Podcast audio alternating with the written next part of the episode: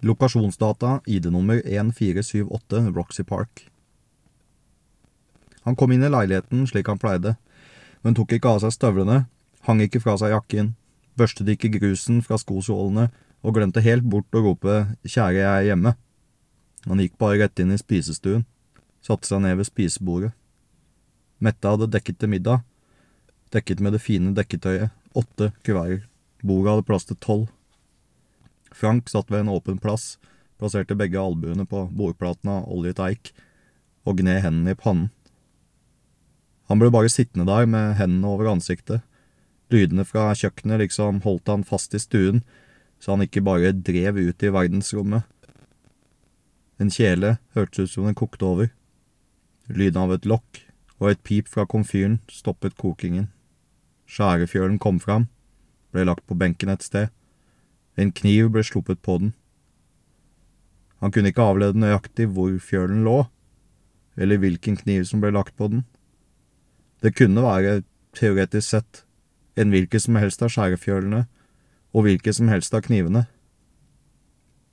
Siden han ikke kunne kjenne lukten av stekt kjøtt, var det rimelig at det var den store skjærefjølen, med et frest spor langs hele kanten for å fange opp blod, for å hindre det å renne utover fjølen og ned på benken.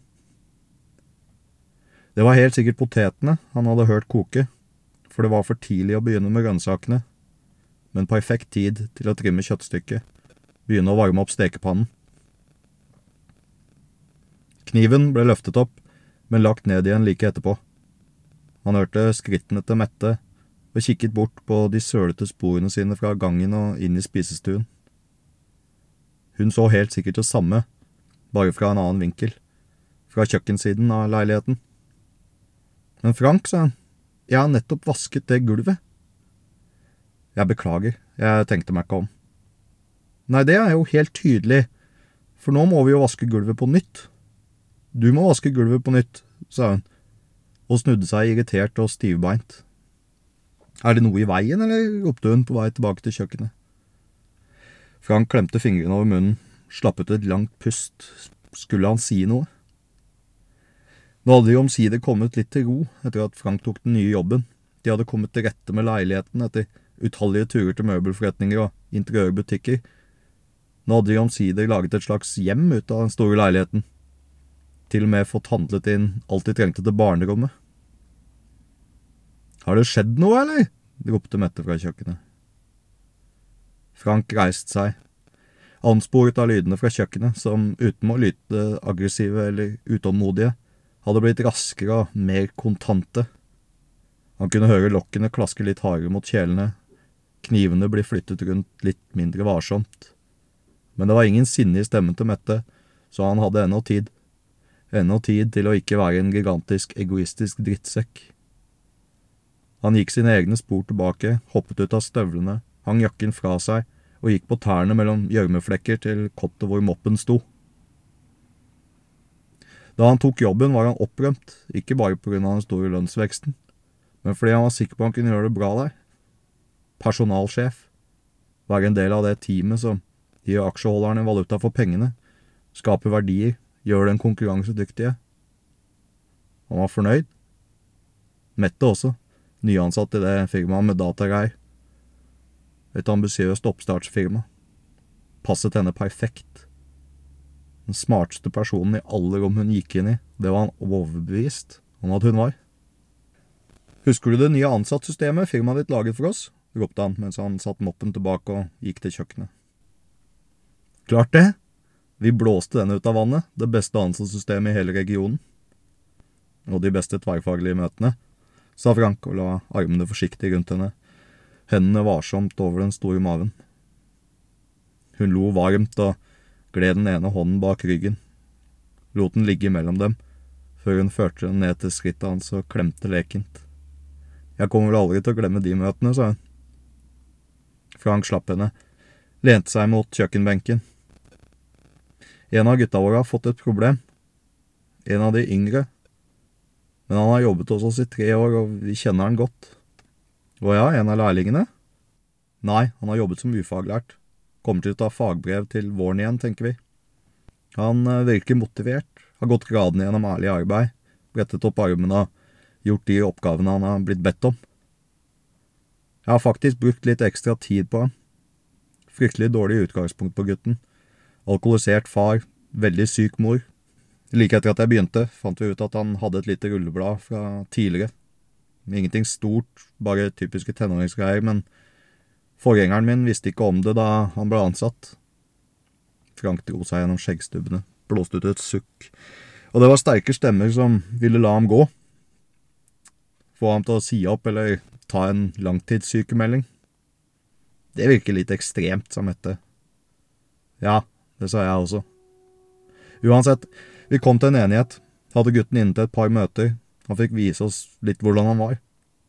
Mer reflektert enn man kunne forvente av en ung fyr. Jeg var forberedt på å slåss for han, men uh, han var så god at det trengtes knapt.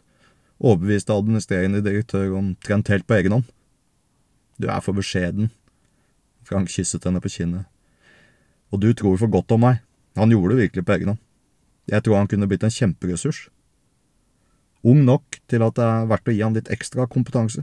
Kanskje bare noen kurs til å begynne med. Men gutten har et godt hode, og kanskje på sikt kunne vi sendt ham på skole. Booket ham oppover i systemet. Men Ja, nettopp det. Han har blitt anklaget for å voldta ei jente. Skal ha skjedd på et utested. Han bedyret at han ikke drakk noe særlig, at han knapt festet i det hele tatt, men jeg har sett ham utenfor nattklubben noen ganger på kvelden. Han kan ikke lage styr ut av sånt, han har rett til å leve sitt liv utafor jobben. Vi har ikke noe med det, egentlig. Med mindre det innebærer at han går rundt og voldtar jenter, da. Ja, det er uheldig. Uheldig, utbrøt Mette. Du vet hva jeg mener, parerte Frank. Nei, jeg vet ikke helt hva du mener, kan du ikke utdype det litt, du? Hun slapp kniven fra seg på skjærefjøren, lente den ene hånden i hoften og den andre mot benken. Frank løftet avvæpnet på hendene. Jeg tror ikke han har gjort det, sa han. Nei, så det tror du altså ikke. Du sa det jo selv. Vanskelig oppvekst, rulleblad, lyver om at han er ute og drikker på byen. Kanskje vi skulle snakke om det en annen gang, sa Frank. Mette løftet opp kniven, pekte på ham med den. Jeg vet hva du pønsker på, du kan bare glemme det, sa hun, før hun snudde ryggen til ham og begynte å skjære slintrene av kjøttstykket. Frank sa ikke mer. Han åpnet kjøkkenskapet, fisket ut en bunke med servietter og gikk inn i stuen. Han brukte tre forsøk på å huske nøyaktig hvordan de skulle brettes for å se ut som en svane. Den første han satte på tallerkenen, så ut som et genetisk misfoster selv om du lett kunne se hva det var. Det var noe litt avvikende, noe som skurret, men som du ikke helt kunne sette fingeren på. Men den andre og tredje svanen var majestetiske og perfekte. Han satte den krøkkete skapningen på sin egen tallerken, før han gikk to plasser til høyre og satte seg i en stol hvor det ikke var dekket, lente seg etter et vinglass og dekanteren, skjenket glasset nesten fullt. Middagen var godt i gang da temaet om voldtekten dukket opp igjen. Pedersen og kona jobbet i samme firma som Frank, henholdsvis administrerende direktør og markedsansvarlig. Johan og Yngve var et nabopar de ofte hadde vinkvelder med, koselige folk. Og Tom og Monica var et vennepar fra studietiden. Det er for jævlig, sa Pedersen, og de andre rundt bordet sa seg enig. Det er jo det, om det stemmer, sa Frank. Eller det er jo det uansett, egentlig. Nei, det er vel mest for jævlig om det stemmer, sa Mette. Selvsagt. Selvsagt er det det. Men, begynte Pedersen med en stor bit okse i munnen, du tror kanskje ikke at det stemmer, kanskje? fullførte han mens han gestikulerte vinglasset så den røde væsken skvulpet fra side til side, nesten mot kanten, men liksom fulgte kurven på glasset og plasket ned i midten igjen. Frank kjente blikket til Mette i siden. Det det kan jo ikke jeg egentlig vite, sa han, forsøkte å veie ordene sine forsiktig, legge ut et ord av gangen, som tær varsomt i vannet. Men eh, vi kan jo ta rede på det, er liksom det jeg tenker, da. Å ja, mumlet Pedersen med mat i munnen, nysgjerrig, men mer oppslukt av biffen enn noe annet. Mette snøftet fra siden. Er det guttedrømmen om å være politietterforsker som bobler fram, sa Pedersen, og svelget en slags kort latter før det neste stykket kjøtt forsvant inn i gapet. Det gikk en lett humring rundt bordet, og Frank smilte forlegent. Tørket det raskt av seg da han møtte blikket til Mette. Hun nødet ham med øynene, manet ham til å holde kjeft, bare la det like godt ligge. Frank så at hun skiftet blikket til Monica, søkte en alliert rundt bordet, noen til å ta opp et annet tema, men folk er rare sånn, morbid nysgjerrige kanskje, engstelige for å spolere den neste replikken. Jeg mener vi burde sjekke ansattsystemet, sa han, blikket rett framfor seg nå, forsøkte å ignorere Mette på siden av ham, ignorere bestikket hennes, som traff tallerkenen med et klirr. Vi har GPS på alle de ansatte, nøyaktig ned til halvannen meter. Vi kunne lett, så lenge han hadde telefonen med seg, mener jeg, fastslå om han var på samme sted som jenta da det skjedde. Voldtekten, altså. Den angivelige voldtekten. Og hvis han har gjort det, sa Mette. Det ville være uheldig, sa Pedersen og la gaffelen fra seg, kikket alvorlig på dem begge.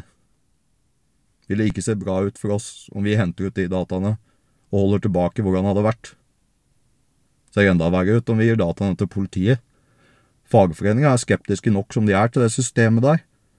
Han kikket på Mette, nesten anklagende, som om det var hennes skyld at de hadde levert et så gjennomført godt system, et så nøyaktig system. Ja, det ville være veldig uheldig, svarte Frank. Hva heter den nattklubben? spurte Pedersen og løftet vinglasset til munnen. Jeg husker ikke, svarte Frank, mens Mette skjenket dem et glass til fra dekanteren.